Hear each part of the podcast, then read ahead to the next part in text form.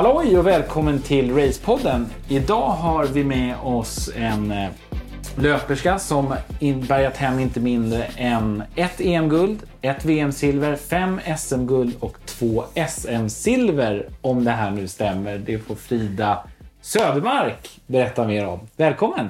Tack så jättemycket och det stämmer alldeles utmärkt eh, där du räknar upp. Man blir ju glad i magen när man hör det sådär presenterat. ja, verkligen. Och nu sitter vi i din eh, lägenhet här i Norrköping. Ja, ja. så du är, det är du som är välkommen kan man säga. Ja, eller hur? ja. Visst är det så. Hur mår du? Ja, alltså jag mår ju väldigt eh, bra. Jag tänkte säga efter omständigheterna, men omständigheterna har jag nästan glömt bort tänkte jag säga. Men det är, det är ju SM 100 kilometer på lördag och jag bröt benet i februari. Så på lördag är det dagen efter ett ganska brutalt benbrott på två ställen. Både skenben och vadben rök på en isfläck där en dag. Eh, aj, aj, aj. Men eh, jag ska ju springa på lördag, så det är ju helt fantastiskt. Så det är bra med mig. Ja, wow. Men du, berätta mer. Vad, vad, vad gjorde du? Jag halkade på en isfläck här borta. Du kom med bilen där vid, vid polishuset där i rondellen. Skulle bara jogga och hämta en kompis. Det var inget mer avancerat än så. Nej. Men eh, ja, tillfälligheten gjorde att eh, det var lite halt just på där, där jag satt foten. Okej. Man brukar, jag brukar inte ha dobbat, dubbat eh, när jag ska springa i stan. För att det är ju oftast isfritt där. Det är inte så skönt att springa med dobb där. Men eh, så, så blev det. Så blev det? Ja, man kan bryta benen av sig man har dobb också, fick jag höra på sjukhuset. Så, så, att, så att eh, de ville göra mig lite glad där. Men jag var glad. Det var, jag frågade om de hade träffat någon som var så glad eh, och löpare och hade brutit benet och det hade de inte. Nej.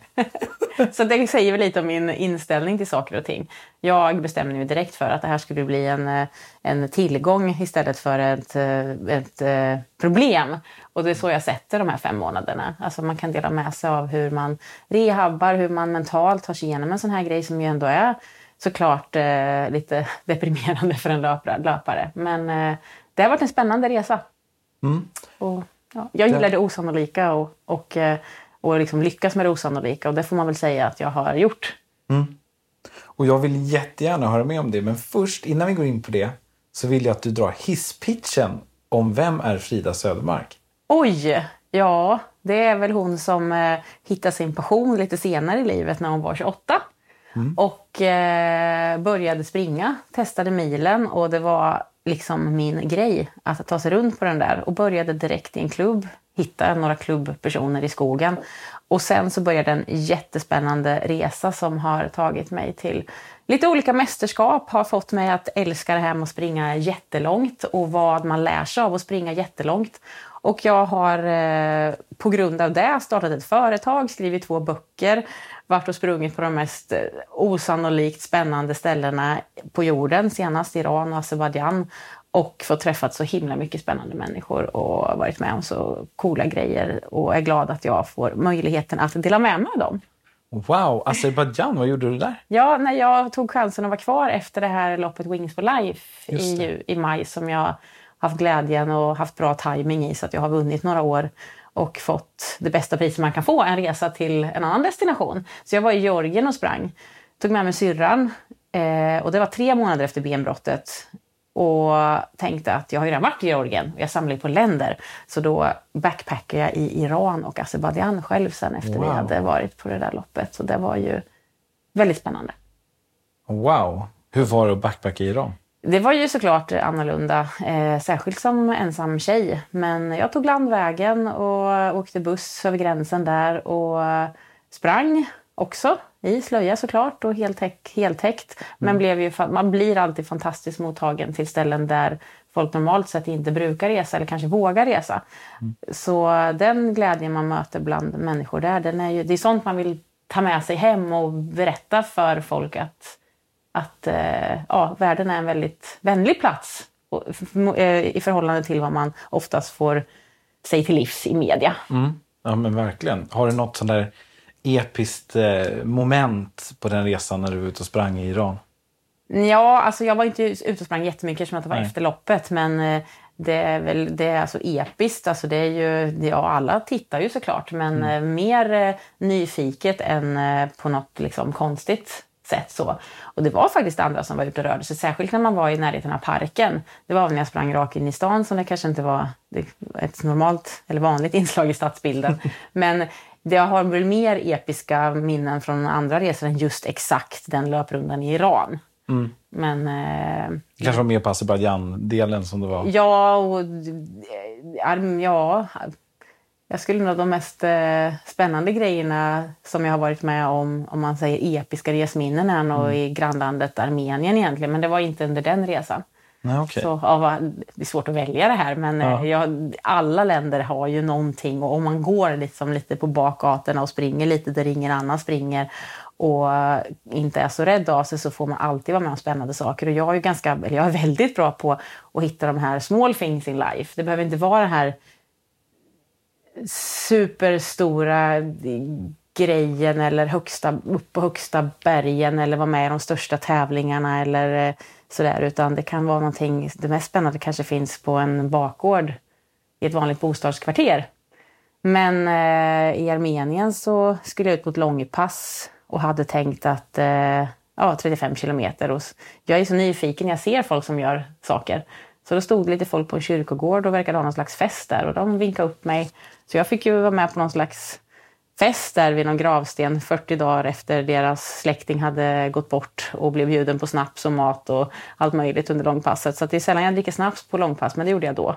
Och sen brukar jag lifta väldigt mycket och då hamnar man ju också i väldigt annorlunda och oväntade situationer. Så att jag har liftat med svettigt underställ och fått eh, åkt rakt in på julmiddag med släkt och vänner och grejer i ett eh, armeniskt eh, bostadskvarter. Så att det händer alltid grejer. Vad roligt. Du, om vi går tillbaks här. Du, du har ju en rehabperiod bakom dig. Ja. Jag tänker vi ska snacka lite mer om SM, men först måste vi ju basa upp här. Februari och framåt. Hur har resan varit? Ja, alltså den har ju varit spännande. Alltså, jag eh, fick ju höra att jag kanske aldrig skulle kunna springa igen, var ju det första jag fick höra från läkarna. Oj. Och jag tänkte så fasen heller. Och det här, så det här blev ju en eh, utmaning som jag skulle klara, bestämde jag mig för. Sen kunde jag ju aldrig veta, men man kan ju inte bestämma. Man kan ju inte, man kan inte gå runt och vara ledsen över någonting som man inte ens vet kommer inträffa. Jag, skulle det vara så att jag inte hade kunnat springa, ja, då hade jag fått tagit den krisen då. Men nu är det faktiskt så att jag kan springa. Vi körde intervaller på bana med min klubb igår och det är SM på lördag och allt kan hända där. Energin kan vara låg, motivationen kanske, kanske tufft att inte liksom springa så fort som man brukar eller så kommer det gå. Så att jag tycker att det är bättre att oroa, bli ledsen över saker när de liksom väl har inträffat. Men som sagt, jag har haft humör på topp precis hela tiden. Och eh, jag har ju blivit bättre på styrketräna sen jag bröt benet. Det är en bra grej.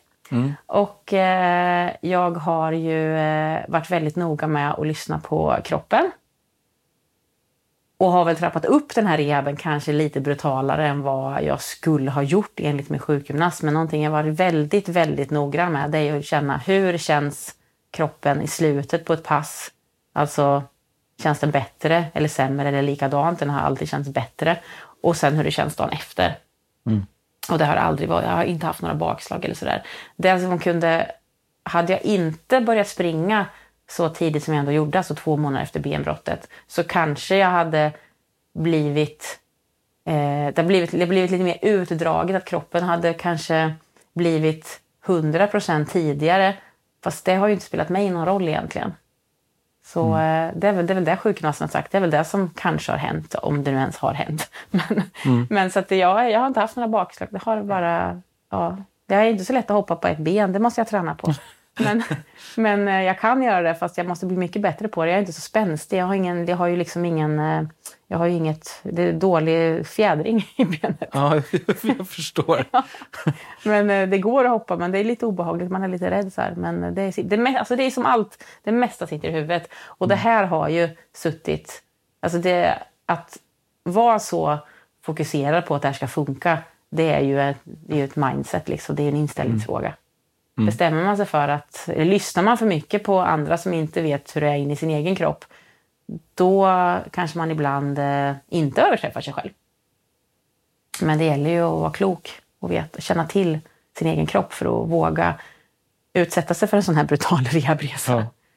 När sprang du dina första löpsteg efter operationen? Eh, det var, eh, jag vet att jag var i Berlin. Jag ordnade en löparresa dit. Mm. Och jag hade fått börja gå veckan innan. Och det var ju bra eftersom jag skulle ta hand om 30 pers i Berlin. Och veckan efter det, då måste det varit slut 10 april typ, då fick jag ta mitt första löpsteg, fem minuter. Så det blir ju då två månader efteråt. Mm. Och sen så var det bara lite mindre än en månad efter det så sprang jag över tre mil i Wings for Life. Ja. I ett ganska, ändå, ett försvarbart tempo. Ja. säga. Fick du några, kände, kände du av skadan på något sätt? Hur, hur var Nej, alltså det jag egentligen har känt av mer, alltså benbrott, det, kan, det är inte så himla dåligt i jämförelse med att få en förslitningsskada för att Mm. min fotled är starkare nu. Lite mer svullen, men det är för att det- man får mer benvävnad och sådär så att den är egentligen starkare. Det, jag får ju ett extra skydd. Men det, var, det jag kände under den första månaden var väl att de andra musklerna inte riktigt var med. Man kände att man kanske fick, eh, man blev, fick lite mer träningsverk, man kände någonting, någon ljumske som inte riktigt var med. Men då var, då var det liksom, då var det påt och styrketräna den ljumsken så vart det bra. Så att man liksom hela tiden lyssnade vad det var som var svagt. Så det var väl det. Eh, annars så, jag har aldrig haft ont i foten. Alltså det var nästan när jag ramlade så var det så här, nej men jag kan inte bryta benet för det måste göra ondare, tror man. så, här. Så var man lite i chock också. Då. Men, men eh, ja, nej, och det jag bestämde mig för när jag då, verkligen det, den stunden jag låg i den där akut, på den där akutmottagningen och fick reda på det här, det var att ja, jag ska inte, jag ska inte liksom ställa in någonting. Målen fick ju förändras, är som ett Excel-ark där man ändrar något i en cell så förändras det i många andra. Så tryck, då tryckte jag på enter och så var rasslare till och så förändrades vissa saker. Jag ställde inte upp i Stockholm Marathon i och för sig, det gjorde jag inte. Men andra sidan så kommer jag springa Moskva Marathon i september och kanske det får bli den dagen jag gör en, eh, det här perset som jag hade tänkt att göra i år. I alla fall, en, i alla fall göra en, eh, en, en bra maratid. Det får bli i september istället. Jag kunde inte åka till Seychellerna och springa en mara i början på februari, eller i slutet på februari. Det var ju svårt då. Nej, det är ju förståeligt. Ja, men det var ju heller inget annat. Det var ju mer en äventyrsresa. Men annars har jag hållit mina föreläsningar. Jag har sprungit, jag sprang Wings for Life. Jag kommer springa SM 100 kilometer. Jag hade ju tänkt, jag tänkte då i februari att vad som än händer ska jag dit. Jag kanske får springa 50 istället eller jag kanske får supporta. Men jag, jag, att jag skulle delta i alla, allting som jag hade, eh, hade i min kalender. Det var en grej som blev en liksom, utmaning, en viktig utmaning för mig. Det håller uppe min motivation att inte, inte vika ner mig. Är det någonting som, som så att säga, genomsyrar ditt liv, det här med att inte vika ner sig? Eller är det mer positivismen? Vilken del skulle du säga? Alltså, jag tycker att det är jätteviktigt det här med att göra klart saker. För jag tycker att, för att jag anser att hur ska man kunna bli bra på jobbigt om man inte tränar på jobbigt? För vi tränar ju inte på hur det... Det är svårt att träna 70 kilometer in i ett 100 kilometers lopp för att man tränar ju aldrig så långt. Nej. Men de gångerna det blir jobbigt i ett 100 km lopp, om man då bryter för att det var så himla jobbigt, ibland är det ju så sjukt jobbigt som man bara vill gräva ner sig i ett mörkt hål och dö, så kommer man ju aldrig träna på hur man undviker det där hålet man vill dö i. Så det kanske inte blev så att man, eh, att man kom in på den tiden man hade tänkt eller man kanske inte kom på den placeringen man hade tänkt. Men, men man måste ju göra klart för att kunna optimera det här till nästa gång. Och det är ju samma sak i 10 km lopp eller i ett 5 km lopp. Alltså om man slår av på takten bara för att man inte springer PB, personbästa, så kommer det bli svårt att slå personbästa nästa gång för då har man ju inte tagit sig över den där tuffa grejen. Det är klart att det finns sanning, det här är en sanning med modifikation, men jag tänker så i alla fall. Plus att jag tycker det är viktigt att inte, inte bryta lopp eller ge upp för att det är ju inte så, då är man ju inte en inspiratör. Jag inspireras inte av, folk som alltså, viker ner sig. Det kan vara coolare att göra en sämre insats men göra klart om man är en duktig löpare. För att folk som förstår tycker att, vet att "Ja, men det där var en tuff dag, häftigt att personen inte klev av. Alltså, så det, det inspirerar mig. Det inspirerar inte mig om man bryter för att eh, det fanns ett eh, viktigare lopp någon annan dag eller man, eh, ja, man, den där personen egentligen brukar springa bättre. Men sen ska man inte springa så man skadar sig självklart. Men om det inte är där, om det, inte, om det, om det sitter i huvudet så tycker jag man skulle göra klart. För det är så många som, som är där ute och kämpar och kanske inte alls är i samma snabbhet eller i samma lika tränade som, som eh, eh, gör klart och det tar mycket längre tid och är de riktiga kämparna. Och de blir inspirerade av de andra som också gör, gör klart. Mm. Och du, på lördag, då smäller det. Då är Ja. det ju SM. Ja. Hur, hur går förberedelserna? Eh, ja, man... Alltså, ja, jag, är ju, jag är ju inte så här... Eh, alltså när jag ska packa en väska och åka till Iran Azerbajdzjan så gör jag ju det samma dag. Och det här med SM, det är klart att jag ska jag tänkte jag ska fixa mina flaskor på fredag så att man liksom inte behöver göra det alltså på kvällen när man kommer till Ljungskile och sådär. Men, men alltså, det är ju, jag är ju väldigt eh, så här, eh, ganska avslappnad inför alla de här faktorerna. Jag tror att det är en styrka jag har också som gör att man eh, kan slappna av eller så här, liksom jämvikten i livet och sådär. Jag sitter inte och stressar upp mig över det här. Det är inte först på lördag. Eh, så förberedelserna går väl... Ja, alltså jag tränar inte lika mycket den här veckan. Idag ska jag inte träna. Eller jag, jag ska ju köra min styrkestrike då. Men den, eh, den Vad är en styrkestrike? att jag ska lovat mig själv att, att he, från, och med, eller från när jag bröt benet så skulle jag styrka varje dag tills jag dör. Men, men det kan vara fem minuter en dag, det kan vara en halvtimme en annan dag. Men det kan få se om det blir, kanske ta lite mer rörlighet idag eller sådär. Men det blir inte någon, det blir någonting typ oombytt grej. Fem, fem, tio minuter kanske på, på den här mattan här där vi sitter nu. Så det är väl enda, men jag ska inte ut och springa någonting. Och det är ju ovanligt, för jag brukar springa två gånger om dagen. Så det är väl en del av förberedelsen att vila och sova lite extra. Jag kommer väl kanske äta, ja, men man kommer ha lite extra kanske idag imorgon. På fredag kommer jag absolut inte göra det, för då känner man sig bara tung på lördag. Ska nog äta lite godis. Jag äter ju i och för sig godis alltså, regelbundet, men, men, eh, men eh, fylla på med lite extra, lite godisenergi imorgon. Det blir inte heller på fredag, för då blir man ju nästan eh, sockerbakis på lördag morgon. Så det är väl egentligen det enda jag gör. Kanske salta lite extra på maten, men jag saltar väl alltid på maten. Alltså, jag, alltså jag, gör, jag gör faktiskt inget speciellt. Men du Mer dricker mer mindre än- kaffe. Ja, jag, just det. jag sitter här ensam och just dricker det, kaffe nu. det, det gör jag. Ja. ja, och jag dricker ju normalt sett inte så himla mycket kaffe heller. Nej. Jag är mer en sån här, så här ja, men findrickare när man, när man har... Jag skulle aldrig koka en kopp kaffe själv eller sådär. Mm. Men, och det är ju för att jag verkligen ska få nytta av koffeinet som jag kommer ta på lördag. Mm. Så eh, det blir inget kaffe förrän, eh, förrän eh, då. Jag dricker rödbetsjuice tio dagar innan. Det är väl också en grej jag gör. Ungefär två deciliter koncentrat, råkoncentrat. Men ehm, så det gör jag ju bara i samband med lopp. Kanske kommer fram fler grejer när man funderar. Men, men framförallt ha det lugnt. Alltså, Tänka på annat, göra andra grejer. Jag har ju så mycket tid den här veckan känns det som. Fast nu har jag ju planerat in andra saker som inte har med träning att göra. Så det blev ju inte så mycket tid ändå. så jag är ganska bra på det. Det är sällan liksom bara... Ja, mitt liv är väldigt maxat. Men jag trivs så. Låter ju hur skönt Jag som gillar helst. ju att få in, jag sa det innan vi började spela in, att, eh, att eh, det är så mycket annat i livet som jag vill göra som inte har med träning att göra. Så att när jag inte tränar då handlar det väldigt mycket om annat, kultur och vänner och, och sådär. Så att eh, jag har familj och sånt. Så att jag blir, kommer barnvakta en del den här veckan och sånt Ja. som jag inte alltid hinner annars. Vad, vad är det för kultur du tycker om?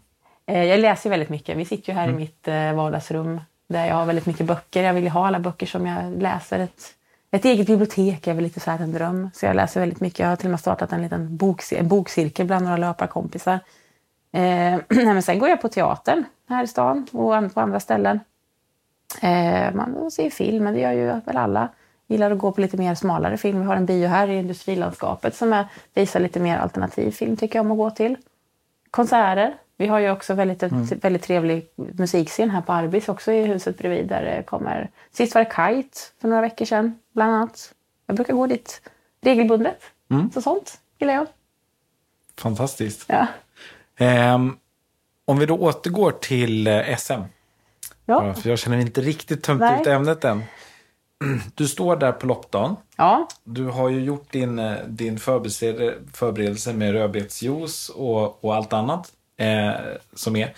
Hur går tankarna när du står på startlinjen? Du ska ändå springa 100 kilometer. Eh, eh, ultra är ju allt över ett maraton, eller hur? Men det här är ju mer än dubbelt så långt. Ja. Så det här är ju såklart en, en, eh, kanske för många också som lyssnar även på den här podden, så är det här kanske någonting som nästan känns ouppnåbart. Så då undrar man, vad rör sig i huvudet liksom? Du har gjort det här några gånger nu. Ja, alltså den eh, stunden är faktiskt en ganska skön känsla. För det finns ju absolut ingenting man kan göra som skulle göra situationen bättre. Det, är ju, det är ju allt man har tränat för. Det är eh, också ganska skönt för man ska inte springa så himla snabbt förhållandevis. Nej, det är värre att ställa sig på Vårhuset fem kilometer start i Norrköping. Alla vet vem man är. Och man måste springa fort och snyggt och såna grejer. Det är, kan kännas mer mentalt jobbigt faktiskt. Utan på lördag då ska jag gå ut i tempo som jag vet att jag hanterar. Och det är andra faktorer som spelar in. Och Mm. det känns mer avslappnat än att man ska springa snabbt. Nu är det här snabbt i mångas öron, absolut. Det, det vet jag. Mm. Men eh, allt är man, går, man jämför ju bara med sig själv. Så det kommer vara en jätteskön känsla. Sen kommer det vara jobbigt eftersom att jag vet att det är fler duktiga som är med. Så att jag vet att jag kommer antagligen inte ligga först. Det är ju väldigt avslappnat att ligga först. Men eh, jag kommer att gå ut i min takt och strunta i de andra. Men det kommer vara mentalt jobbigare på lördag, det kommer det vara. Men också spännande att det kommer vara det. Och jag har ju verkligen slagit ett slag, eller slår ett slag för att fler ska testa 100 för vi behöver fler snabba tjejer och killar till landslaget och överhuvudtaget för att höja sportens status. Så att det är ju i mitt intresse att de här andra också springer bra.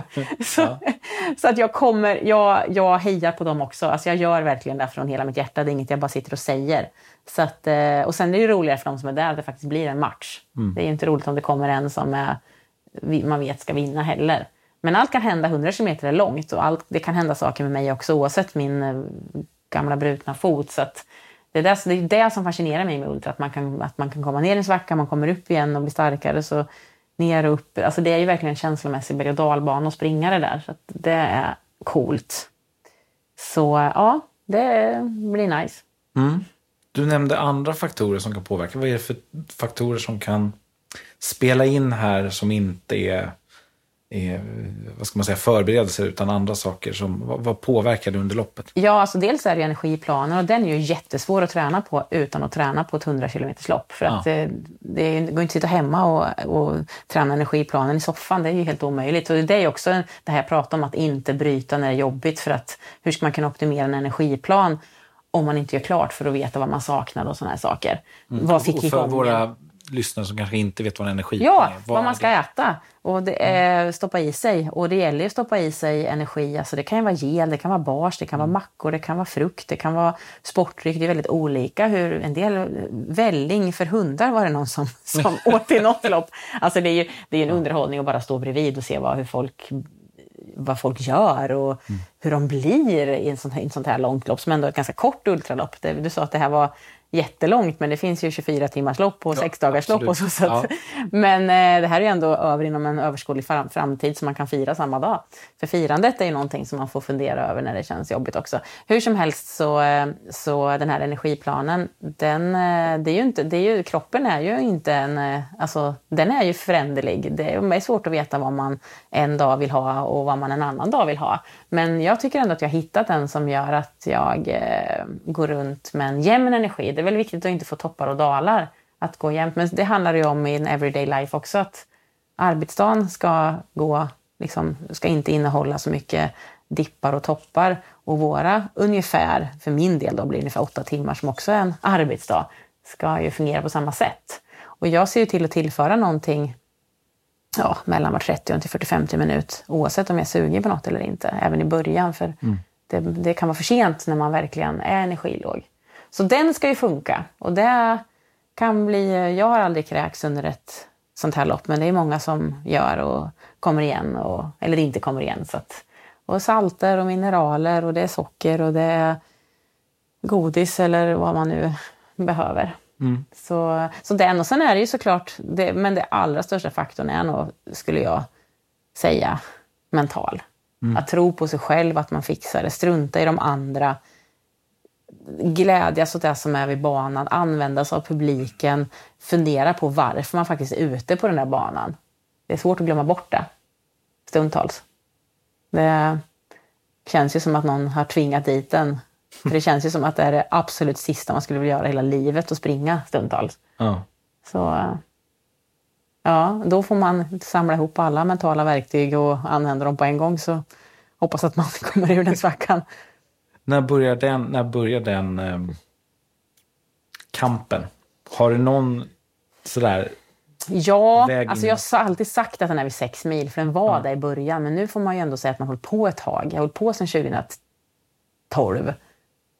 Och den där har jag lyckats få bort då med hjälp av en bättre energiplan och ja, lite bättre mindset antar jag. Men eh, den... Eh, ja, så, så där, alltså i alla fall är det såklart andra delen av loppet. Trots att det ändå är hemväg. Men då, man är ju lite mer energilåg. För hemväg är ju en motiverande faktor i sig. Nu sist hade jag nog inga, sista gången har jag faktiskt inte haft några sådana svackor. Sen är klart att det blir jobbigt, men jag har inte haft de här riktiga så här, när man eh, ja, vill gräva ner sig i en grop. Jag hade ju en riktig... Ja, mitt, jag har gått in i väggen en gång och lyckats ta mig förbi den. Och det var ju i det som jag egentligen skulle klassa som min största idrottsliga prestation. Och det är när jag kom åtta i Comrade som är världens största ultralopp. Det handlar om att komma bland de tio bästa. Då får man medalj i rent guld och eh, ja, sponsorpengar eh, och Hall of Fame. Och det, är liksom, det, är så här, det är superstort, det är större än VM. Det är verkligen. Och där skulle man inte kunna komma bland de tio bästa första gången man testar var det sagt. Men jag var där första gången och när jag springer över mattan vid, var det 70? Jag tror att det var vid 70 kilometer. Och folk satt hemma och följde det här och chippet passerade där och grejer. Då, då var jag, det var som att benen bara vek sig. Det, var, det kändes som godnatt. Spaghetti liksom. Jag säger, shit, det här får inte hända. Jag ligger liksom, då låg jag femma eller sexa eller någonting. Och det, alltså det, det, det går inte, det får inte, det finns inte. Jag måste framåt på något sätt.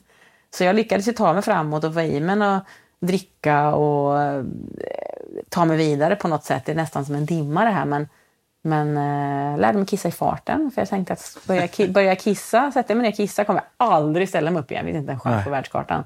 Så det var ju bara att, det är också så här, sitter ju bara i huvudet. Och det var ju så mycket annat som hade flödat över den där kroppen så det var väl ingen större, blev väl ingen större koncentration av kiss på kroppen heller. Ja, hur som helst, så det är bara att göra liksom. Så, så kom man in på stadion. Då ska man springa ett varv på stadion och jag var ju helt... Då låg jag... Då låg jag... Ja, det var, började springa om folk i alla fall. Och ramla ihop och det var ju var som en, man kände sig som en disktrasa. Men jag stapplade i alla fall i mål och kom åtta. Och eh, krampade ihop totalt. För det var ju krampen som var det jobbiga sen de sista två milen. Men eh, det är väl... Eh, alltså jobbigare än så är det svårt att få det liksom. Och gången efter hade jag ju lärt mig hur... Eh, att jag behövde mer, mer salt. Det var väl det som var den största bristen där. Och jag hade inte riktigt fått alla mina... Den energin jag skulle få på energistationerna. Flaskorna var borta. Det var så här kaos i energiplanen och då funkar det liksom inte. Men eh, jag är glad att jag, att jag tog min mål och glad att jag, att jag sprang så bra. Det där är jag, det är helt... Ja, den är, den är jag stolt över. Ja, Både för att den var tufft och för att jag sprang bra och, och så. Mm. När, när var det här? Vilket år var det här? 2014. 2014. Mm. Ja. Så jag har kört loppet två år till. Eh, sprang lika bra ett år, men då var det några som sprang ännu bättre. Så att, så, eh, men jag ska tillbaka dit någon gång. Det där är ju stort. Och jag är ju inte så gammal, jag är bara 41. Det där finns ju de, eh, många bland topp 10 som är upp mot 45, så att det finns tid. Ja, för det, det är ju en skillnad kanske mot med sprintlöpning, Mm. den sprintdistansen, om man nu klassar sprintdistanser i och för sig. Ja, det är ju också så är ju. en, en Ja. eh, fråga. Men, men det känns som att uthållighetssport är någonting som, där man kanske inte behöver vara runt 20-årsåldern för att, prestera som bäst, utan kanske tvärtom är. Nej, och det är det som är så häftigt. att det, det är ju, Man kan göra otroliga prestationer utan att ha de muskelfibrerna som krävs för att springa 100 meter. Och eh, att det finns så mycket annat som... Det som fascinerar mig så mycket med ultralöpning det är ju det man lär sig längs banan och hur man blir starkare som person i vardagen av att göra det här. Och jag brukar ju alltid vara kvar och heja på de som kommer in senare i mål. För det är många gånger det är de som har haft det ännu jobbigare och är ändå tuffare egentligen. För de kanske inte haft lika mycket tid att träna och de kanske är äldre, de kanske är ja, mindre vältränade. Så att det är de som är krigarna. Så att, därför är det väldigt ödmjukt inom den här sporten. Det tycker jag om. Och tittar man på Barkley Marathon, den här världens jobbigaste ultralopp, om man nu, hur man nu ska klassa det, men det är ju verkligen brutalt. Den går ju på Netflix. Så är det ju häftigt att, de, att ettan säger att man aldrig skulle klara att om inte tvåan hade hjälpt honom. Hjälpt Nej. honom. Och det, det är ju, man kan tänka att det är en indi- individuell idrott det här, men det är inte riktigt det när man springer så här långt. För att man hjälper varandra, man ger varandra energi, alltså både rent konkret i att man kanske ger någon någonting att äta. Eh, och att man peppar varandra. För det är inte säkert att den som leder kommer vinna loppet. Absolut inte. Och det är det jag måste fatta på lördag. Ja. och jag kommer heja på de andra också. Det, ja. Men det är klart att du hoppas på att du vinner. Själv. Ja, men det är klart. Ja. Det är klart man gör. Det är ju, jag tycker att eh, SM är en stor sak. Och det är där jag vill att, det ska, att fler ska inse också. Mm. Hur viktig är tävlings, tävlingsmänniskan i det? Hur, hur framträdande är den i ditt vanliga liv? För det är klart att det finns ju där. Det måste vara en enorm tävlingsmänniska. Och, och, Ja, Någonstans. alltså jag har ju höga mål och jag är bra på att uppfylla dem och hitta lösningar för det och så. Och är väldigt glad vad jag faktiskt har uppnått. Att jag får, kan jobba med det här. Synergieffekten av löpningen, även om inte jag är en... eh, Men det är ju, jag är ju fullt medveten om och har jättebra självinsikt att det finns många som är mycket bättre än mig och lika bra. Och, men jag har haft väldigt bra timing och jag har eh, gjort... Jag har tagit... Alltså jag har eh, sett liksom vad man kan eh, göra av det här. Eh, ja, och eh, hur man kan förmedla de kunskaperna som man har tillgodogjort sig på ett inspirerande sätt och dela med sig och liksom, ja, men liksom leva löpningen så. Så att på så sätt så är jag ju, det har jag ju, jag är ju jätteglad för. Och ibland inser man ju själv inte vad man har uppnått heller, för det är man ju ganska, man är ju lite så här, man, ja men det här är ju att det bara händer, men det är såklart att det inte har gjort det. Det har ju varit hårt jobb också, det här med företagande och sådär. Det är ju väldigt mycket tid man lägger ner på det. Så att det här med att jag, har ju, jag är ju väldigt flexibel i hur mycket jag kan träna, eller när jag kan träna. Men eh, sen är det ju, jag är ju väldigt dålig på att återhämta mig och sova. Och så, eller sova gör jag väl ganska bra, men jag vilar ju liksom inte på dagarna. nej. Det är ju många som vilar efter ett långt pass, men det har ju aldrig hänt. Förutom på natten. Mm. Så, ehm, så att, ja, tävlingsmänniska. Ja, jo, men det är jag väl. Men jag blir ju inte så här... Jag är ju inte så här att jag blir sur på andra som... Det med, ja, det var en svår fråga. Jag vet inte, det där måste man nästan fråga någon annan tror jag. Ja. Jag vet faktiskt inte. Men jag är nog... Jag känner mig väldigt ödmjuk och sådär och peppig på andra som kanske slog mig och sådär. Så att det är Jag väl får de. fråga Lisa Ring på, Ja, du får fråga efter Lisa Ring, lördag. fast Lisa Ja. Ring brukar ju alltid slå mig. Så, att, Okej. så att det är väl jag som pe- peppar henne där då i och för sig. Fast i och för sig Lisa Ring, det är lite kul för att hon, innan hon eh, började, eller blev bra, innan hon hade testat om hon, om hon var bra, så, var ju, så kunde hon vara en som kom fram så här och åh, hej Frida, så här, och hon sprang inte lika fort på maran som, som jag gjorde då. Eh, och det tycker jag, och nu är det ju Lisa Ring som är liksom, hon är ju helt fenomenal. Så, att, eh, så att det är lite kul ändå att man, och det är samma med Mikaela Larsson, hon var med på ett träningsläger som, där jag var ledare 2014 i Portugal och nu vinner hon Stockholm Marathon alltihopa så att jag tycker det är jättehäftigt att de här liksom har passerat men en gång i tiden så var jag snabbare. och de är jättegulliga tjejer så att det är ju så här, det tycker jag, det är bara, det är kul. Det är en väldigt, ja, men det är en väldigt, det är en väldigt trevlig stämning tycker jag i löpar Sverige. Jag har bott i Tyskland i perioder, eller ja, ibland. Eh, sådär, för jag tycker om Berlin och så. Jag har tatuerat in till och med Berlin. här. Berlin och Norrköping, det är mina, det är mina hem, hemorter. Så, och där när man sprang så var det inte alls så. Det, där var ju det här, alltså där var det konkurrens och där var det dåliga förlorare och där var det inte så att man, eh, att man eh, liksom eh, grattade de andra på pallen på det sättet. Och, nej, det var, det var inte trevlig stämning där faktiskt, tyvärr. Ett bra exempel är när jag persade i Leipzig och vann där på min hittills bästa maratontid 2011. De i klubben, framförallt männen, de, de, sa inte ens, de sa inte ens grattis för de tyckte liksom, de, nej, men de, kunde inte liksom, de kunde inte ta in det där eller kunde inte glädjas mm. för att de, de var ju bättre än mig på intervallerna men jag slog dem på maraton när det väl var tävling. Och det kunde inte de ta. Alltså det var helt, ja. Nej, det var, det var verkligen konkurrens där. Mm. Men det var ju liksom gubbar, de tävlade inte ens i min... Vi tävlade inte ens mot varandra liksom. Nej.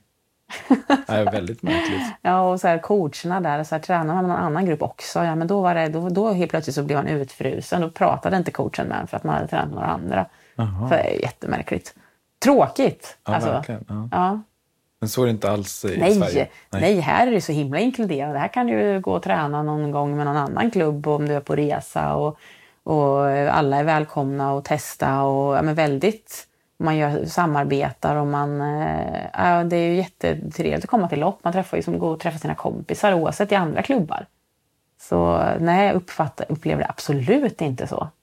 Det är klart att vissa är lite nervösa när man kommer till ett lopp och, och det är inte riktigt kontakt bara. Men, de, det är ju, det är ju, men det är ju inte så att någon är otrevlig eller sådär eller eh, inte hälsar. Mm. Kommer du att tillåta dig själv att vila efter SM eller blir det fullt ös? Alltså, mm. det jag behöver i form av träningshjälp, eller jag har ju en tränare, det är ju just det här med att vila. Mm. För jag är väldigt träningsvillig och skulle väl springa ihjäl mig om jag fick om jag inte hade. Så det är ju det. Alla, alla har ju tränare av olika anledningar, eller träningsplaner av olika anledningar. En del behöver ha dem för att komma ut på sina pass. En del behöver ha dem för att inte springa fler pass. Så att ja, jag har eh, vila inlagd och som sagt även den här veckan. Så att jag kommer följa den. Eh. Sen kanske jag går ut och springer vatten eller simmar eller tar någon cykeltur till mina syskon eller sådär. Men det är väldigt lugnt så. Men eh, jag kommer inte överjobba det här.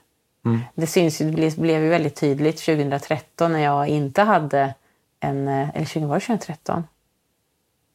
Ja, jag kommer, ja, ja, det var det nog. Ja, då, hade, då lyssnade jag väl inte särskilt mycket och hade väl inte så liksom, uppstyrd träning. Och då tränade jag ju så mycket så jag fick en stressfraktur. När jag tittade i träningsdagboken efter det så var det ju det var ju någon vecka med 20 mils träning och tre fyra hårda banpass och det håller ju ingen för.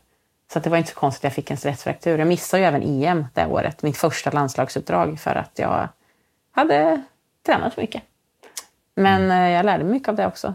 Att alternativträning är bra och att man blir starkare av eh, alternativträning. Och eh, det är ju någonting som var skönt att veta nu när jag faktiskt drog på mig en skada igen. Att jag kom ju tillbaka starkare när jag var skadad gången innan. Nu var det var ju en väldigt liten skada i förhållande till det här såklart. Mm. Men det var ju mentalt skönt att veta att man kommer tillbaka om inget, om man inte blir kroniskt skadad. Mm. Så det var ju bra. Ja, verkligen. Hur ser sommaren ut i övrigt efter SM nu?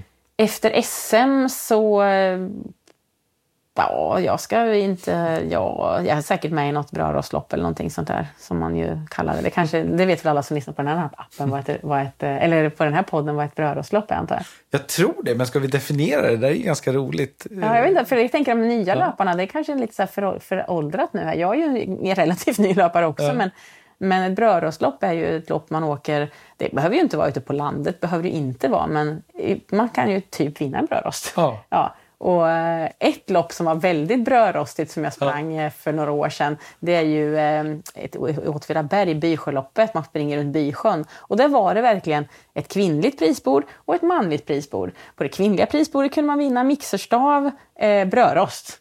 Jag tog faktiskt brödrost. Jag hade, jag hade ingen brödrost då, eh, vid det tillfället. Och sen lite så här tjej, tjej, köksgrejer. På det manliga så var det skruvdragare, det var någon tuff ficklampa, ja. alltså någon kniv.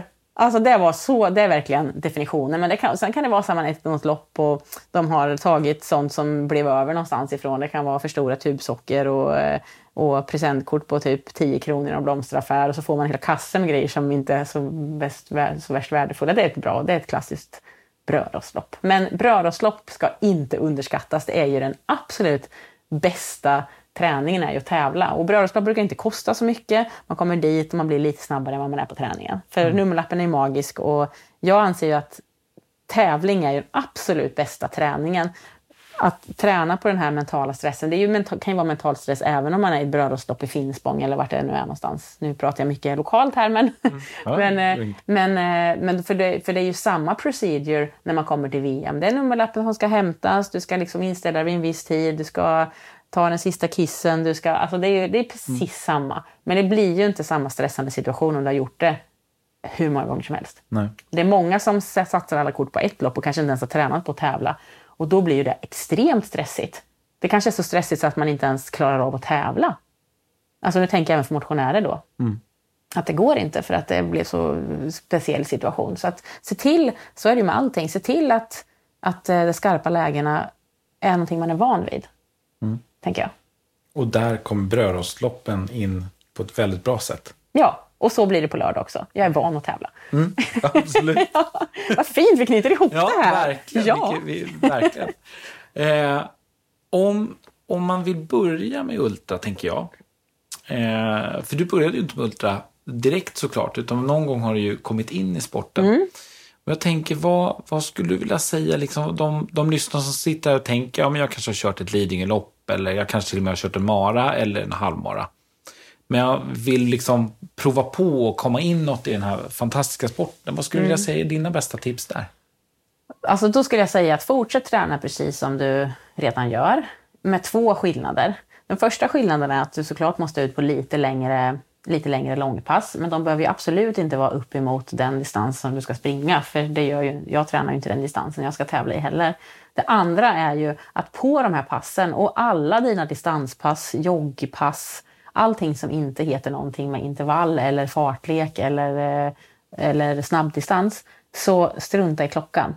Mm. Utan hitta ditt flow, alltså där du kan snacka med kompisar, du kan eh, springa och tänka på annat. Du, kan, ja, men känn, du ska inte känna, du ska aldrig liksom pressa dig till någon form av fart. För det kommer att göra att du orkar springa fortare på de passen som du ska springa fort.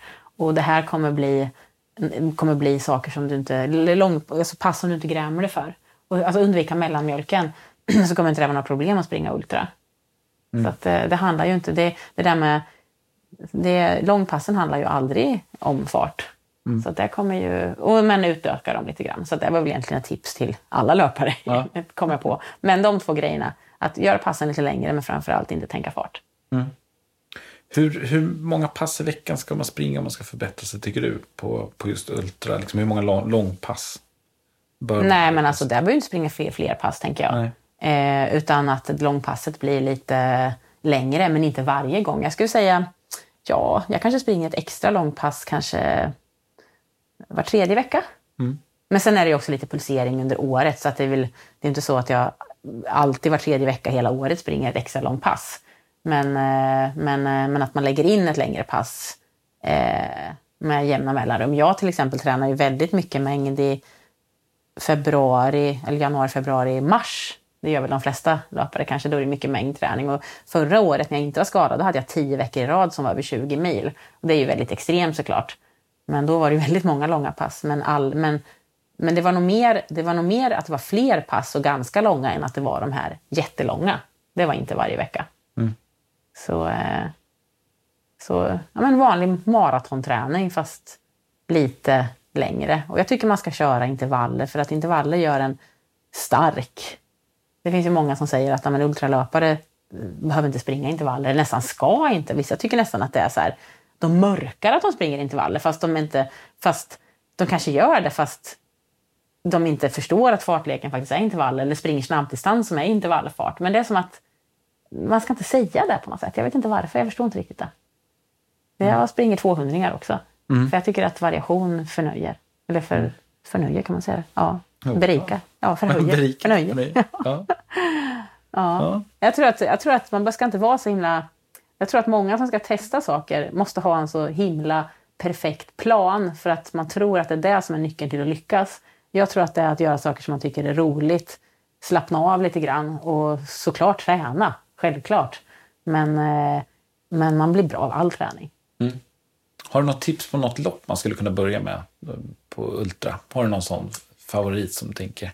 Alltså det är väl alltid bra att ta små, små steg. Mm. Nu tycker väl jag personligen så att ja, men, en riktig ultra, den är väl ändå upp mot 10 mil. Mm. För det är så nära maraton annars, mm. tänker jag.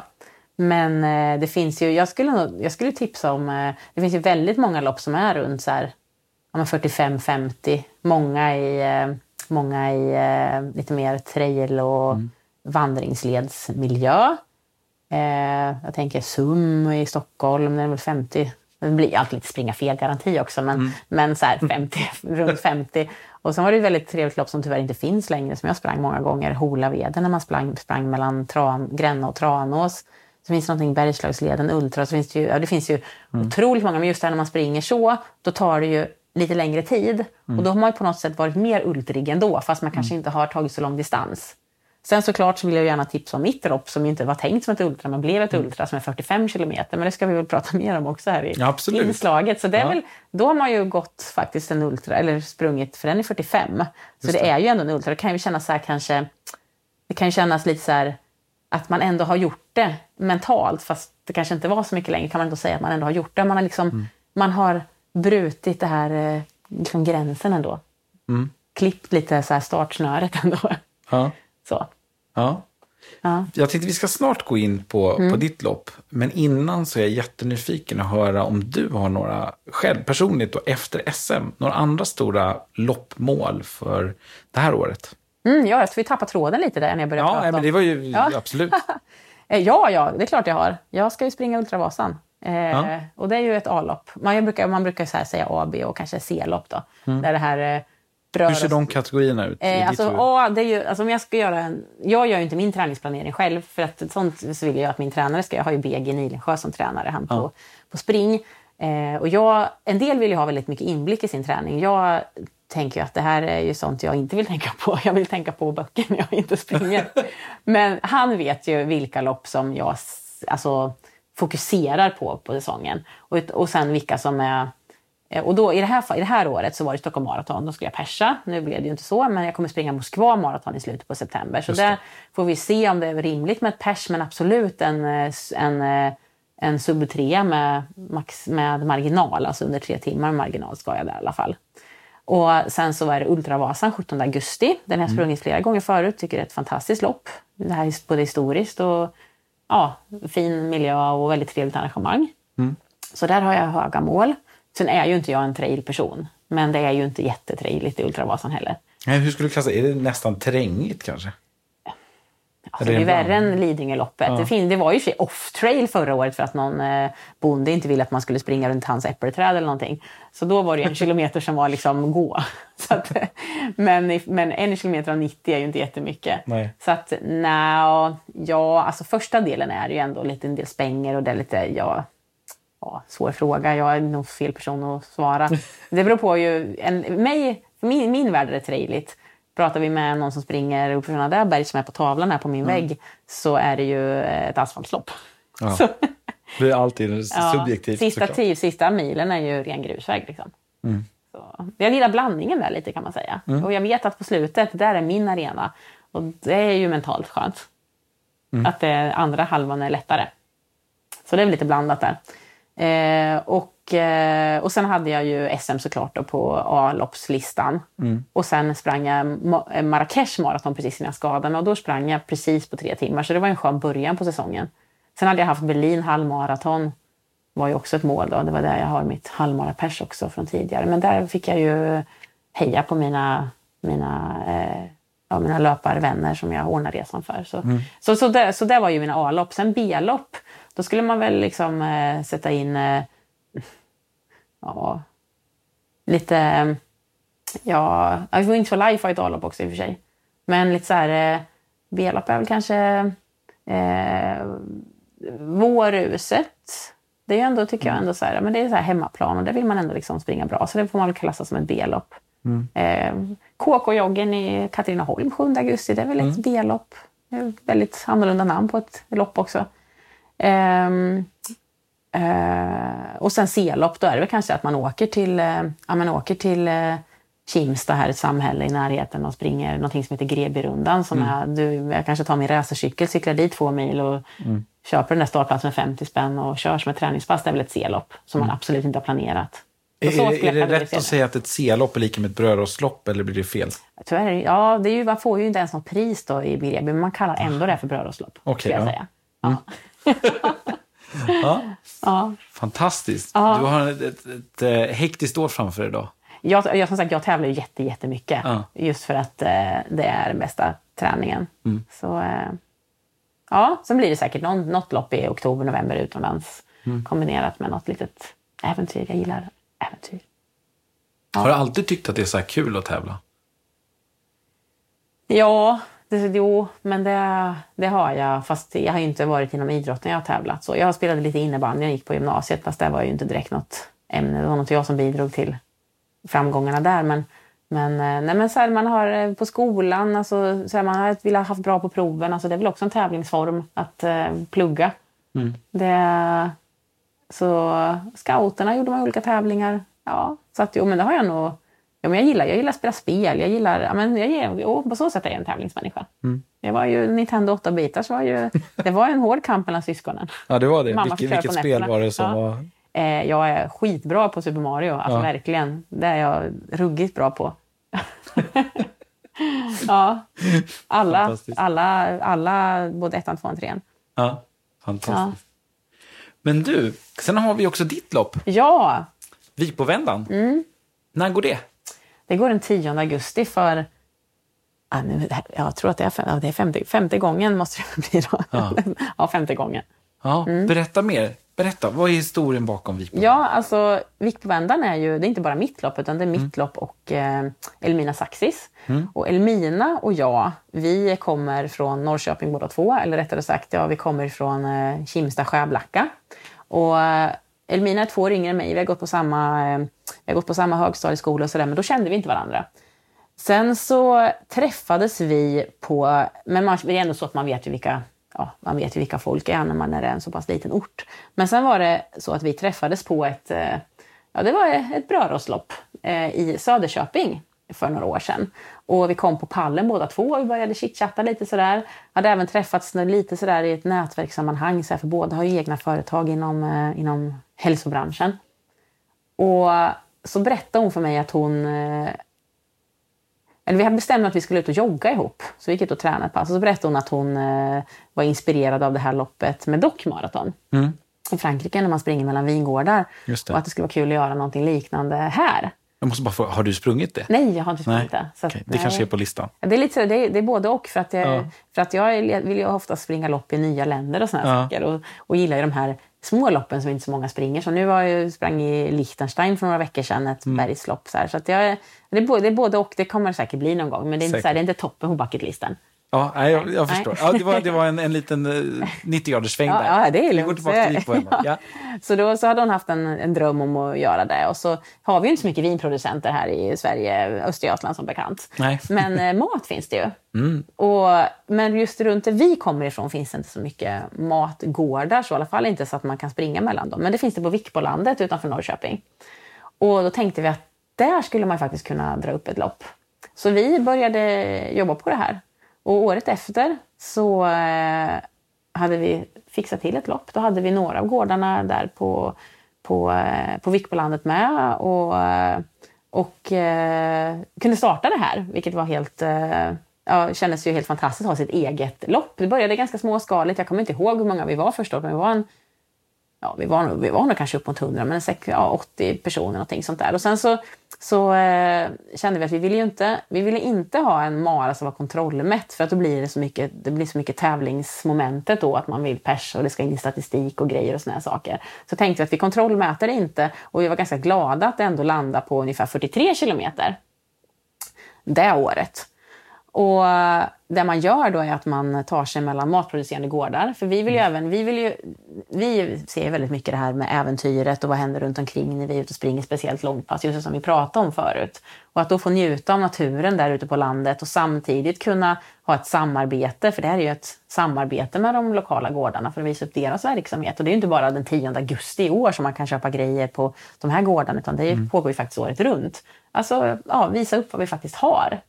Så då blev det 43 kilometer mellan de här gårdarna första året. Och så tänkte vi att alla vill ju, alla, alla vill ju inte, tycker ju inte att eh, det är bekvämt att springa 43 kilometer, speciellt om man aldrig har sprungit.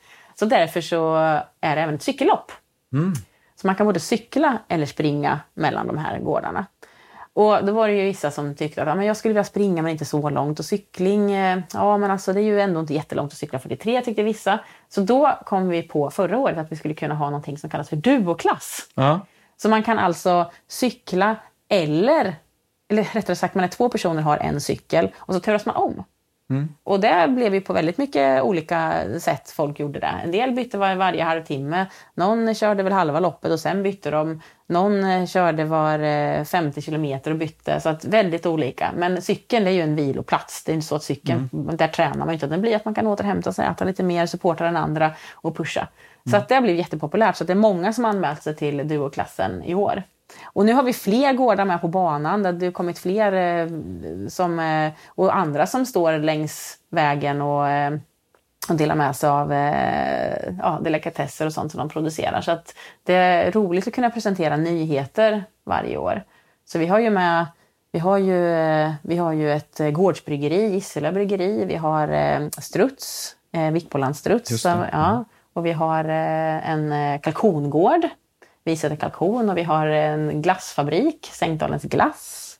Och vi har eh, getost på Bråvalla gårdsmejeri. Och i år så kommer vi även springa förbi eh, eh, Utan-Gärsta som har eh, honung. Och vi har ju rå eh, funktionsdryck med, rödbetsjuice och olika juicer på banan. Och vi har ju som navet är ju då ICA där ute i Östra Husby som eh, bjuder på grillad korv och, eh, och chill efter målgången. Så att, eh, det är verkligen ett välförsett lopp. Sen är det ändå kyrkan i Östra Ny har en energistation så vi vill lyfta upp det här kulturella också. En helt bedårande rosa kyrka där ute som man liksom inte får missa att besöka. Så man får upp ögonen för det här. Det är det som, mm. vi, det som vi vill. Eh, ja, det är det som vi, som vi vill. Och sen är de lokala föreningarna med och är flaggvakter och eh, vi stöttar ungdomsverksamheten i de föreningarna också. Och elfirman Aptek är med och har så vi kan duscha och, eh, i deras lokaler och vi har massage av ett lokalt företag i målgången och vi har i år ska vårdcentralen hålla öppet så man kan gå in och göra lite så blodtryckstest och lite enkelt eh, såna här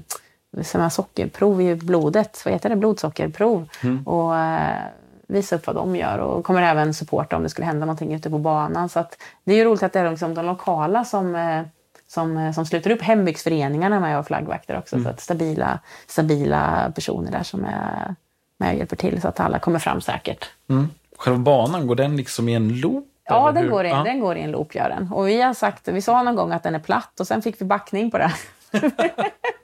den är böljande och den är inte jätte... Nej, den är böljande. vi hade inte sprungit den i det skedet. Men vi brukar faktiskt ha, vi har, vi, jag och Elmina, vi ses ju och har våra, våra affärsmöten eller så här loppmöten, de sker ju springande. Så någon gång om året då kör vi, ju, då kör vi rundan för att den ska liksom springa. Så i år blev det faktiskt duoklasser som att jag hade precis kommit tillbaka från benbrottet så då fick vi köra lite duo för jag Eh, fick ju inte springa hela Nej. vid den tidpunkten. Så att det här är någonting som vi är så glada att, och det som är så roligt är ju att, att det är så många sådana här som samlar på maratonlopp och åker runt till jorden runt och springer som kommer tillbaka till vårt lopp. Och det är det absolut bästa betyget man kan få, att de kommer tillbaka och springer det en gång till för att de tycker att det är så trevligt arrangemang. Och vi, vi, vi kommer nog komma upp till en 200 deltagare i år och kan väl mm. bli något större. Men vi vill vara det personliga loppet där folk nästan känner oss och vi kan heja på alla. Man vet vilka som har sprungit vårt lopp. Mm. För det är så jag tycker det är så trevligt när jag kommer till ett lopp. Mm. Stockholm Marathon i all ära och alla andra stora lopp, det är ju coolt på ett, på ett annat sätt. Mm. Men det här är ju inte ett sånt lopp. Det här är ju ett äventyrs njutarlopp. Eh, komma igång med träningen, se liksom den här kombinationen av äventyr och eh, lustfylld njutnings, uh, njutningsupplevelse. Så, mm. så att, det känner vi att vi har lyckats med eftersom att folk kommer tillbaka. Så snart får vi nog sätta en sån här fullt, full, att det är fullt. Ja, det är ju, det är ju häftigt ja. att, att det blir att det blir att det inte är helt självklart att man bara kan anmäla sig, att, all, att, att inte alla kan vara med. Så det, är ju, det blir exklusivt. Vi får mm. se lite hur vi, hur vi tar oss an det nästa år. Men just i år så är anmälan öppen eh, för alla. Det mm. kan vi ju garantera. Mm. får vi se hur vi gör nästa. Ja. ja. Och, och, vi vill också kunna få göra loppet själv någon gång. Det skulle vara häftigt. Men ja. just nu är det så här, man måste, det är så mycket man ska ha koll på så att man... Eh, så att man eh, nej, det vågar man inte riktigt än. Nej. Och hur många anmälda var det idag? Idag var det 110 någonting 110 ungefär? Mm. Ja. Så att, mm. Och det är en månad kvar, så, mm. så många har vi aldrig varit så här års. Det är väldigt många som brukar efteranmäla sig. Så, mm. Beroende på väder och vind. Och speciellt cyklister såklart. För det är ju, mm. det kan, man kanske inte är så många som anmäler sig. Ja, det har vi i och för sig haft. Men, men det är väl främst kanske cyklisterna som ser vädret och därför att eh, det är väl en ganska lite enklare uppgift att cykla runt än att springa runt.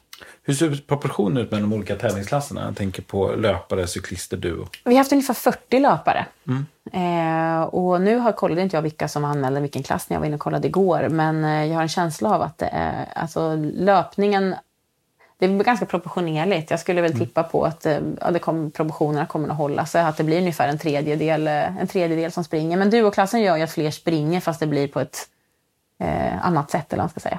Mm. Så, eh, så ganska, en tredjedel ungefär som springer och resten cyklar.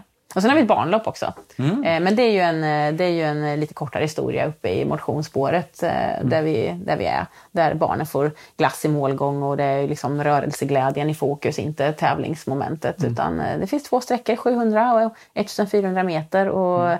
Och, eh, och som sagt, det är så ja, kul, att, eh, kul att det här med barnlopp växer, att det Mm. nästan alltid finns ett barnlopp. För det är ju så härligt att se kidsen springa och som sagt rörelseglädje. Det, I dagens samhälle är det någonting man måste börja eh, jobba på tidigt. Mm. Och det där är faktiskt någonting som... Jag var ute på Rundmarö och körde Rundmarölopp med mina barn. Åh! Fantastiskt. Jag skrev det då- på min lista, men det har inte Ja. Otroligt vackert. Och verkligen ett sånt här, ett litet härligt lopp. Eh, väldigt familjärt. Men, men då var min son var tre och ett halvt eller fyra. Och jag kommer ihåg att han skulle springa den lilla lunken där. Och, och, det som, eh, och vi var ju oroliga, för han skulle prompt springa, för stora syster skulle springa. Och det var runt en och en halv tror jag. Ja. Och då tänkte vi, klarar han det här? Men han sprang hela vägen. Han var absolut sist. Och han skrek till mamma eh, när hon började gå att mamma, du måste springa. Så det är eh, verkligen en uppmaning till alla, tycker jag. Att barn klarar så fruktansvärt mycket mer än vad ni tror. Precis. Det är vi vuxna som har en föreställning av vad, vad vi tror att de klarar av. Så att eh, jag var otroligt imponerad över min Ja. son. Och då tänkte jag just på det här, som, det här med att, att släppa ut dem med alltså 13 1300 meter eller 1,3 kilometer. Det är inga problem. De fixar det. Mm. Ja. De är motiverade. Ja. Så det, det, jag tycker det är fantastiskt. Jag håller också med om att det är fantastiskt med barnloppen. Ja, och inte bara i lopp och loppen, att man verkligen tänker på det i vardagen också. Min eh, kollega då, Elmina, hon har ju tre barn och de, de eh, tar sig väldigt mycket per egen maskin till eh, ställen. Och även min annan kollega som jobbar mer i löparäventyret tillsammans med mig, de bor en mil ifrån stan och de tar nästan aldrig bilen. De, hon, hon har inte jättestora barn heller och de vill inte åka bilen. För att de tycker det är skönare att liksom röra på sig. Så att det är ju... borde vara, parker, borde vara parkeringsförbud in, inom en eh, radie av eh, två kilometer från alla skolor. För det, Ja, verkligen. ja, Ja, det är, ja, det är skrämmande. Det, där, må- det, är- det är mycket där man eh, går runt och inspirerar kring i min vardag på mina föreläsningar. Det här med att det lilla räknas. Och, ja, men lär man sig inte från början så är det svårt att, att hitta energin till att lära om och motivationen om man inte har, har det här. Man kan, alla kanske inte har det här drivet och då kan det bli förödande. Så att, eh, som bara det här med mitt benbrott. När de sa att du kommer nog inte kunna springa igen. För mig blev ju det en utmaning, men för någon som kanske såg det här träningen lite som att det skaver, kanske hade sett det som en eh, belöning. Att, och så kanske man hade fått några sitta still-sjukdomar istället. Så det är väldigt, väldigt superviktiga grejer. Nu kommer kanske lite från loppämnet, men eller det Ja. gjorde vi inte för att det är det vi vill. Det är, det, det, är verk, det är som sagt verkligen det vi vill förmedla med det här loppet. Men, men, och, och när man, cy- cykelklassen, det är ju en ren motionsklass. Även eh, duoklassen. Men i, vi har gjort så att i löpningen så är det en, där är det en tävling för de som vill tävla. Och man, kan få, man vinner ett par skor från, eh, från Salming om man, eh, om man kommer på första plats. Så det är ju det är ändå kul att vi får, så att man får lite spridning på att det blir några som racear ändå. Att, eh, sådär. Så, eh, Kör ni tid då? Ja, där har vi. Vi har tidtagning på, eh, tidtagning på eh, löparna. Nu var det så att våra flinka gossar och flickor från eh, Kudby IF som hjälper oss där ute, de, var ju så, de hann ju, vi tänkte att det kan bli rörigt och hinna ta tid på alla, men de tog faktiskt tid på alla. Så att, men det är ingenting vi liksom så garanterar eller eh, Nej. sådär. Alla vill ju inte ha sin tid tagen heller, men, men det är väldigt nedtonat tävlingsmomentet även för, för löparna. Men det är en tävling eh, för dem. Så. Vad skulle du vilja säga är, är dina bästa tips inför Vikbönen? Vad, vad skulle du vilja säga liksom är Ja, alltså att man, eh, att man eh, kanske kollar upp lite vad det är för eh, producenter vi kommer passera.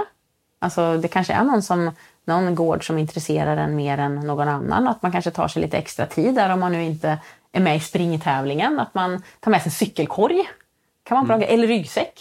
Så att man faktiskt kan eh, titta lite vad det är för grejer och kanske köpa med sig någonting till eh, grillningen på kvällen eller eh, vad det nu är för någonting och verkligen förhöra sig vart, vart de här gårdarna har återförsäljare. För man kanske inte alltid, det kanske inte alltid är smidigt att åka ut på, till Vikbolandet, det är ju ändå några mil att åka ut dit.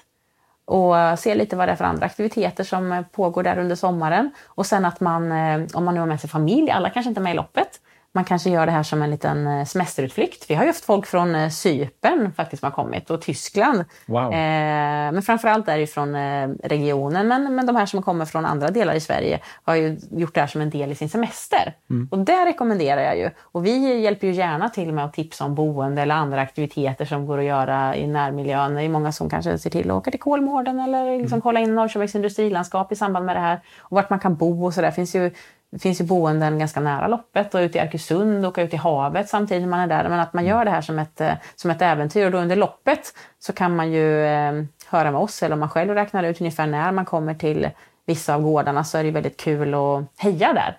För det går att få lama eller alpackapussar och springa, springa i kapp med strutsar och det blir som ett litet minisafari. Väldigt roligt för, för barn och även vuxna och, och vara där under dagen så att eh, man inte bara åker till starten och lämnar av och sen kommer och hämtar vid målgång utan det händer ju väldigt mycket på gårdarna. Ute vid eh, Bråvalla, där Gårdsmejeriet, där brukar de ha liksom eh, lite så här fotobot och eh, lite så här spruta vatten. De brukar ha lite, lite små tävlingar och lite, ja men det brukar vara ett roligt ställe att, att heja på. Så, så, att, så att det skulle jag verkligen rekommendera. När det gäller träningen så ut och njut i juli. Gör, gör sådana här njutbara pass som jag pratade om. Eh, oavsett om det handlar om att man ska öva upp sig på att cykla eller man ska öva upp sig på att springa så är det ju, det är ju långpassen man behöver för att, för att, just för att det ska bli en njutbar upplevelse. Kommer man dit otränad så kommer man säkert runt. Eh, man, men det kanske inte blir lika kul att äta glass vid 35 kilometer om man är helt förstörd. Så att det är väl det, att se till att, man är, att det är en, eh, en, en sträcka man hanterar så att man också kan njuta. Det är precis som vi pratade om innan, det här med krampen i Sydafrika och det jobbiga hålet vid sex mil. Att, eh, det är väl det man ska försöka träna på att inte få så att man istället kan stå och, och eh, hänga lite med strutsarna och vara lite glad. Precis. ja. Precis. ja. Hur ser framtiden för loppet ut? Vad ser du framför dig i kristallkulan? Nej, men då ser jag ju ett lopp som fortfarande är det personliga loppet. Sen om det handlar om eh, 200 deltagare eller 300 deltagare eller 400 deltagare, det kan jag inte riktigt eh, svara på. Det får man nog känna år efter år och se. Jag vill ju känna att vi framförallt hanterar de som kommer på ett bra sätt så att, de känner, så att alla känner sig riktigt välkomna. Det vill jag kvalitetssäkra eller vara säker på. Men att det kommer vara kvar 100 procent. För nu har ju även gårdarna blivit mer medvetna om att det här är ju faktiskt någonting som eh, är bra, väldigt bra för dem också. Det är, så att det har verkligen, och det har, och det har satt sig. Man hör folk i stan och även i, och runt om i Sverige när jag åker runt att man har, man har hört om vårat lopp. Alltså man blir så glad. att de hör tal. Man går, jag går och delar ut flyers bara. Alltså, loppen är ju min... Det är ju, det är ju där vi har våra bästa... Det är där man marknadsför sitt eget lopp och de loppen man själv springer. Och både jag och Mina springer ju jättemycket lopp. Och det är så roligt när man delar ut en flyer och, och man redan har hört om det. Eller kanske till och med planerat in och göra det någon gång. Det finns på bucketlisten bara för att höra en sån sak. Så, att, så att det, det är det jag ser, att det fortfarande är ett, ett personligt lopp.